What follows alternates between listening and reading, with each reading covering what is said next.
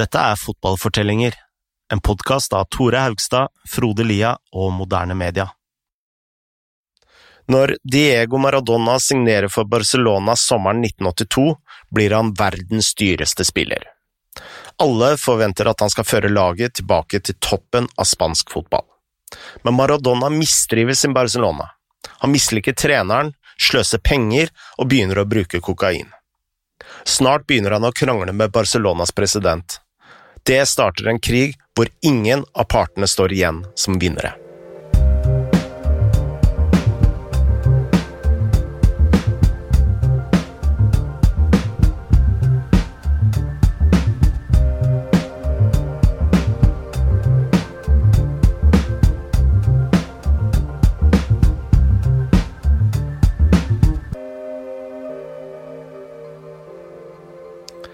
Sommeren 1982 hadde Diego Maradona mye å bevise.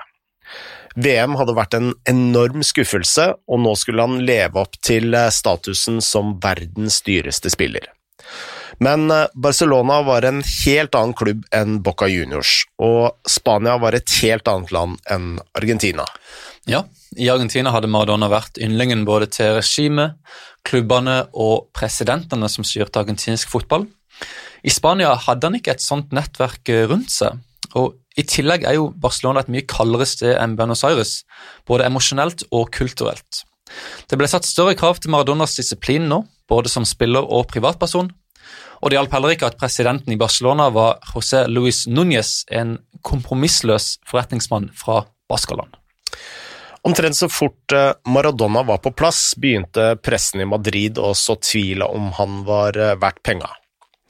Vi kan trygt si at eh, Barcelona trengte en eh, Maradona i form, for de hadde ikke vunnet La Liga siden Johan Cruyff revolusjonerte laget i 1974, noe du for øvrig kan høre mer om i sesong én av eh, Fotballfortellinger.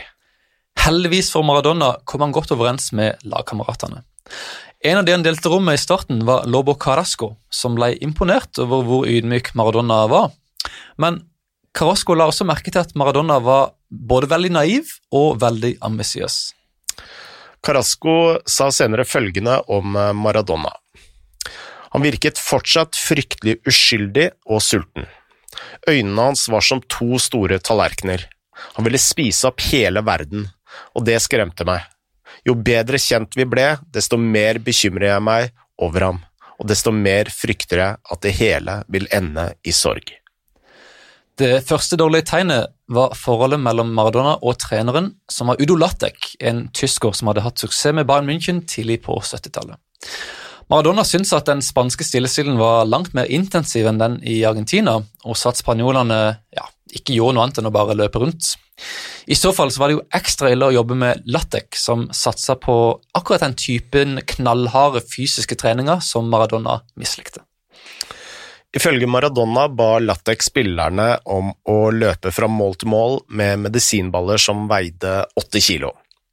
Før eh, viktige kamper, som eksempel mot eh, Real Madrid, økte han vekten til 20 eh, kilo. En gang ble Maradona så sint at han sparket en medisinball mot Latek og ba ham om å bære den selv. Lateks treningstider var en annen ting som passa Maradona dårlig. Han likte helst å sette vekkerklokka på 11, og så sette seg inn på kjøkkenet i pysjamas med en kopp kaffe med melk. I Barcelona ble han nå vekket klokka halv ni, fordi Latek ville ha spillerne ut på gåtur. Når Maradona ikke trente eller spilte kamper, bodde han i et digert slott av et hus sammen med Claudia og syttespiller. Der hadde han en tennisbane, en liten fotballbane og et stort svømmebasseng. City-spiller hadde sørget for at eh, Maradona beholdt alle inntektene fra billedrettigheter og sponsoravtaler selv, noe som eh, førte til eh, travle tider for Maradona Productions. Syterspiller skaffa en sponsoravtale med McDonald's, som spilte inn reklamer med Maradona. Han hyrte også inn et kameracrew fra Buenos Aires for å lage en film om Maradona som skulle gis ut verden rundt på tolv språk. Dette crewet fikk tillatelse til å følge Maradona omtrent hvor enn han gikk. Men selv om Maradona hadde et eh, flott hus, eh, klarte han ikke å blande seg inn eh, blant de lokale. Han klarte rett og slett ikke å bli vant med Barcelona. I stedet prøvde han å gjenskape livet som han hadde i Buenos Aires. Resultatet ble at Maradona inviterte eh, en rekke bekjente til huset sitt, hvorav mange var venner fra Buenos Aires eller argentinere som bodde i Barcelona. Disse tok med seg argentinsk kjøtt og argentinske sandwicher og ja, alt det som Maradona hadde spist eh, i barndommen. Snart hadde han et lite entourage rundt seg. Vi spurte Martin Masur om hvorfor Maradona gjorde dette.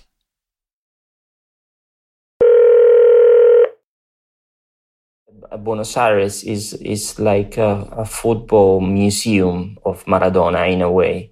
Um, you, do you know you can visit his first house, the, not not the house in which he grew up, but the first house he was given as an Argentinos juniors player, and and in, in that house that is now a sort of museum in which. He, they are trying to buy the same furniture that he had and everything in order to create that uh, very special moment. You know, it's it's like visiting some uh, flats in in Berlin, for example.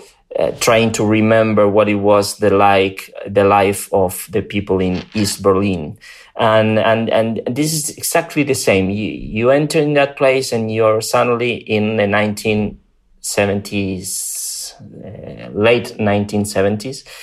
Um, and there are so many pictures of Maradona there in, in different parts of, the, the, of that house. But you know what happens in all those pictures? There's his mom, some of his sisters. So there's always people. And, and and when he goes to to Barcelona, it's the first, probably the first time in his career in which he finds himself in a to- completely different situation. All those people, yes, they can be there sometimes, and sometimes they're not. And and this transition had has been uh, very difficult for him. I'm sure. I'm sure that uh, it's the same transition that had that had to endure uh, other uh, football players with poor background, like Riquelme, Agüero, and, and, and so many others in the future. But again, the tools were very different. The money involved was also very different. Uh, so uh, it's not that Maradona could buy a house and suddenly bring all the people that he knew into that house as he did in Argentinos Juniors. Uh, I mean, the, it was his house, but it was also where his uh, sisters lived, and and and there, he was all, always with someone. The, the when he moved to Barcelona, uh, he found himself uh, in a new environment, and that environment proved to be toxic for him because uh, the um, without having all those people of confidence next to him, um, I'm sure that what happened, and if you look back, it's that, that that people were replaced by other people, and that other people was not his family, and and the the impact they had on him was very very different. Masur sier her at eh, Maradonas entourage i Barcelona ikke hadde en like god effekt på ham som eh, familie og vennene fra Buenos Aires. Dette var knyttet til at eh, Maradona hadde lett for å stole på folk, noe Fernando Signorini fikk erfare. Ja, Signorini var en ukjent fitnesstrener som hadde kommet til Barcelona like etter Maradona. Kona til Signorini jobba som tennisinstruktør ved samme tennisklubb hvor Claudia spilte. Snart ble hun og Claudia kjent, noe som førte til at Signorini ble invitert til Maradonas hus. Der ble han plutselig ansatt av Maradona som personlig trener, etter anbefaling fra Claudia. Ettersom Maradonas entourage eh, vokste, ble privatlivet hans eh, stadig villere. Rapporter om store fester lakk ut til eh, avisene, Snart skrev pressen om Maradonas klan, en blanding av familie, jenter, venner og venner av venner som ledde livet i Maradonas eh, slott.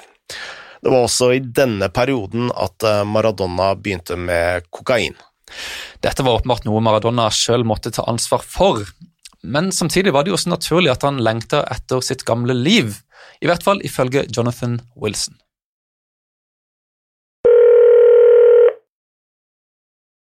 It's very easy to be to, to, to blame Maradona for that, and I guess you have to ultimately. But there's also, you know, his, his mother talked about, um, you know, grown, she's grown up in this. You know, she's grown up in, in two. You know, she's only known two places: um, Esquina, the the village on the on the Paraná River, and then you know this this shack in in uh. And she she talks about one day walking back into the house in Barcelona and just having a panic attack, just collapsing on the pavement, not being able to move, because this is so new and so different and so overwhelming, and sort of, I think, not really sort of, not really trusting the neighbours, not really, you know, sort of thinking the neighbours are going to look down on them, which maybe they did. I don't, you know, I don't know, um, but sort of just feeling dislocated, feeling out of place, feeling alienated, and so you can see why Maradona would also feel that alienation. Uh, you know, I think it's significant as well that that um, you know the the woman he ends up marrying is a girl that his, his mother had met in a supermarket. So it's a very sort of homely relationship. And although he, you know, he he, he has relationships with with uh, how can I put it more more glamorous women, you know, it's always her that he goes back to. Rapportene om eh, Maradonas klan skapte stor bekymring i Barcelonas styre. Direktørene var nekta adgang til eh, Maradona-slottet, som vi kan kalle det, og måtte følge det hele på avstand eller gjennom pressen. Núñez eh, sa til Maradona at han forventa at han skulle være et forbilde, men Maradona nektet å la noen andre kontrollere sitt privatliv. I november 1982 dro Barcelona til Paris for å spille vennskapskamp mot Paris Saint-Germain. De vant 4-1, og etterpå overtalte Maradona halve laget til å feire resultatet på byen. Nunes fant selvfølgelig ut av dette og kritiserte umiddelbart Maradona i pressen for sine dårlige holdninger osv. Dette førte en rasende skyterspiller til å ringe Nunes og gi han en skikkelig skyllebøtte. Allerede nå var det full krig mellom Maradonas klan og Barcelona. Lattek eh, kastet City-spiller ut av eh, treningene fordi han mente at eh, han hadde en dårlig innflytelse på Maradona. Den medisinske staben i Barcelona var fornærma over at Maradona kun hørte på Signorini, og snart ble Maradona og City-spiller så paranoide at de mistenkte enkelte journalister for å være spioner fra Barca. Samtidig var Maradona fortsatt godt likt av sine lagkamerater. Innen januar hadde han skåret seks mål på 13 ligakamper, men i desember fikk han hepatitt. Dette var jo blytungt for Maradona, som ikke fikk vise sine kritikere hva han kunne levere. Han var ikke tilbake på banen før i mars, mer enn tre måneder senere. Innen det hadde Barcelona gått på en rekke smeller. De hadde tapt den europeiske supercupen 3-1 mot eh, Aston Villa. I cupvinnercupen hadde de røket ut mot eh, Austria Wien, og nå hadde Núñez eh, fått nok og kastet eh, Udo Lattek på dør. Deretter ansatte Núñez ingen ringere enn Menotti, som hadde gått av som Argentina-sjef etter VM. Dette var åpenbart et trekk for å få det beste ut av Maradona, men selvfølgelig ble jo Maradona anklaga for å i praksis ha ansatt Menotti sjøl. Maradona skrev senere i sitt forsvar at han kun ble spurt av Núñez om han kunne anbefale Menotti, og selvfølgelig så hadde Maradona sagt at ja, han er en god trener. Noe av det første Menotti gjorde, var å flytte treningene til eh, klokka tre på ettermiddagen. I slutten av mars slo Barcelona Real Madrid 2-1 på Camp Nou, med mål fra Maradona. Det så ut til at eh, Menotti hadde fått eh, laget på rett kurs, men så tapte de tre kamper i Baskeland. Ja, dette var en periode hvor de baskiske lagene var råsterke. Real Sociedad hadde vunnet ligaen to år på rad, men den store rivalen var Atletic Club. Nesten umiddelbart hadde Menotti havna i en krangel med Atletic-trener Javier Clemente, En skikkelig hardhaus som hadde skapt et brutalt lag som slo mye langt, og som kriga motstandere i senk. Menotti mente selvfølgelig at dette var en skam for fotballen, at ja, et, et, lag skulle spille sånn og likevel vinne La Liga. Romantiske Menotti. Absolutt. Uansett eh, tapte Barcelona nå borte mot eh, Atletic både i ligaen og eh, cupen, i tillegg til å tape mot uh, Real Sociedad i ligaen. Barcelona kom til slutt på fjerdeplass i La Liga, men de kom seg også til finalen i den spanske cupen, hvor de skulle møte Real Madrid. Dette var siste sjanse for Barca til å få noe ut av sesongen. Like før finalen hadde Maradona og hans lagkamerat Bernt Schuster blitt invitert til å spille en vennskapskamp i regi av den tyske landslagsstjerna Paul Breitner, som nettopp hadde lagt opp. Breitner hadde sendt et privatfly og det hele for å hente Maradona og Schuster. Maradona sa at det var en ære å bli invitert, og pakka kofferten, men så satte Núñez foten ned. Núñez eh, ville ikke la to av sine beste spillere dra utenlands kun få dager før sesongens største kamp. Han fikk eh, presidenten i Catalonia, Jordi Puyol, til å komme ned på treningsfeltet for å legge press på at eh, Maradona skulle bli. Ifølge Maradona konfiskerte Núñez også passet hans. Ja, Før kampen ringte Breitner til Maradona og spurte om han hadde passet sitt klart. Da fant Maradona ut at Syter-spillere hadde gitt det til Barcelona, sånn at det skulle registreres til bortekampene. Maradona dro rett til kontoret til Núñez for å kreve passet tilbake. Der ble han og Schuster bedt om å vente utenfor kontoret. Rommet Maradona og Schuster satt i, var fullt av pokaler. Da Maradona fikk høre at Núñez ikke hadde tid til å treffe ham, løftet han opp et trofé og knuste det i bakken. Til slutt eh, fikk han tilbake passet, men han eh, kom seg aldri til eh, vennskapskampen. Noen dager senere vant Barcelona finalen 2-1 mot Real Madrid med et straffemål fra Maradona. Núñez hadde vunnet akkurat dette slaget, men krigen var langt fra over. I september 1983 var den nye sesongen så vidt i gang da Barcelona skulle møte Atletic. Samme morgen besøkte Maradona en gutt på sykehuset som hadde blitt kjørt over av en bil. På vei ut av døren sa gutten at han måtte passe seg for Atletic, for de kom til å gå etter ham. Det var noe Maradona tenkte på da kampen starta. Barcelona tok ledelsen 2-0. I løpet av kampen hadde Schuster tatt hevn på Andoni Goikochea, en av Atletics stoppere, for en tidligere takling. Nå var Goikochea rasende, og på et tidspunkt så sa Maradona til han at ja, du må roe deg ned, det er ikke nødvendig å pådra, deg et gult kort nå, dere ligger under 2-0 uansett. Dette var ikke noe Maradona mente som frekt, men eh, like etter det så klippa Goikochea ned bakfra altså, og dette er, dette er, en fæl fæl takling som har gått inn som en av de aller, aller styggeste spansk fotball har sett. Maradona skrev senere at han kunne høre ankelen brekke som pinneved. Gorgochea fikk kun gult kort, men Menotti mente han burde bli utestengt på livstid. Til slutt ble han faktisk suspendert i ti kamper. Den britiske journalisten Edward Owen kalte ham slakteren fra Bilbao, et eh, kallenavn som har gått inn i historiebøkene. De fleste trodde nå at Maradona var ute for sesongen, men eh, Maradona han kalte til seg en doktor som het Ruben Oliva, som var basert i Milano, og som han kjente fra den medisinske staben til Argentinas landslag. Oliva var en spesiell type. Han eh, hadde helt egne og ofte kontroversielle metoder for å få spillere på beina.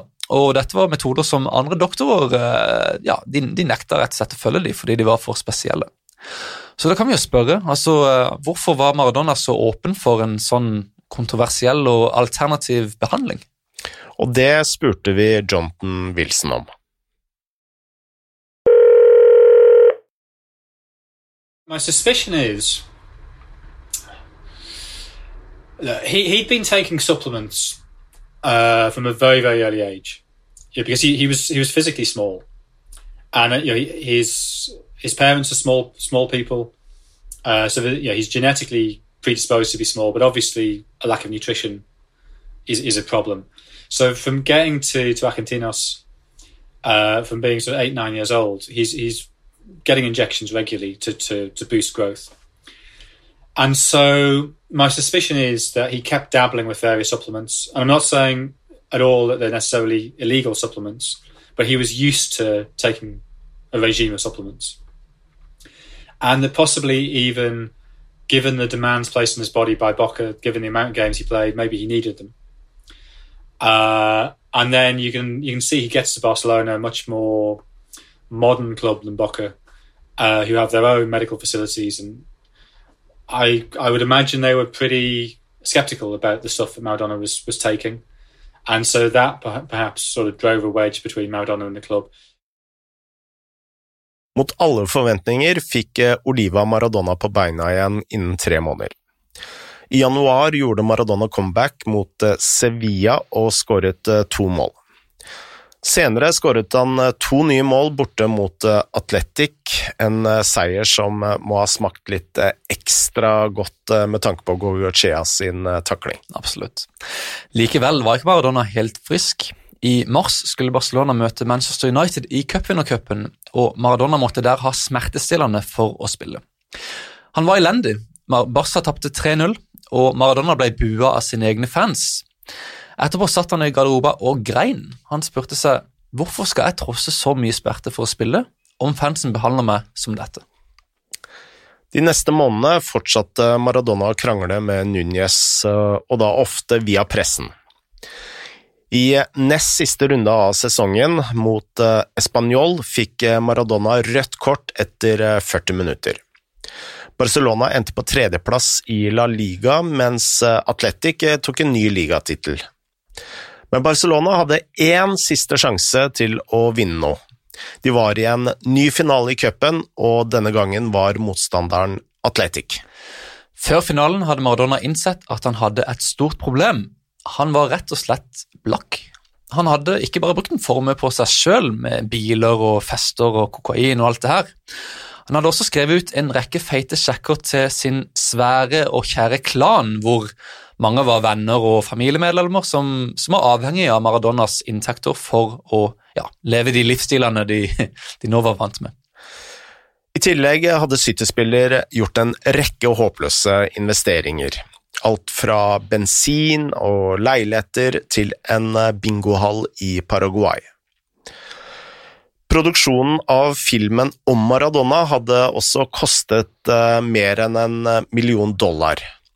Men det verste her var at City-spiller ikke hadde klart å selge den videre, og mye av materialet bare forsvant. Nå hadde Maradona så mye gjeld at han faktisk trengte en kriseplan. Syterspiller fant ut at beste, den beste løsninga på dette var å tvinge Nunes til å selge Maradona, og så melke overgangen for så mange pesetas som mulig. Nunes nekta å selge, men i finalen i cupen så skjedde det noe som ikke ga noe valg. Atletic vant finalen 1-0 på Santiago Bernabeu, og det foran kongen av Spania, 100 000 tilskuere og millioner av TV-seere. Etter kampen ble Maradona provosert av en av Atletics spillere. Maradona reagerte ved å angripe ham, noe som startet et masseslagsmål på banen mellom de to lagene. Og Dette kunne vært to gjenger som møttes på gata i Buenos Aires. Det var virkelig stygt. Det var både slag og karatespark og det hele, foran øynene til hele nasjonen. Skammen dette påførte Barcelona, tvang i praksis Nunes til å selge Maradona. Maradona hadde nå funnet en utvei, men han var langt nede. Han hadde mislyktes i VM og floppet i Barcelona. Han var blakk, og han ble ansett som en festløve. Det fantes bare én by i Europa som var sprø nok for at Maradona kunne føle seg hjemme. Den byen var Napoli.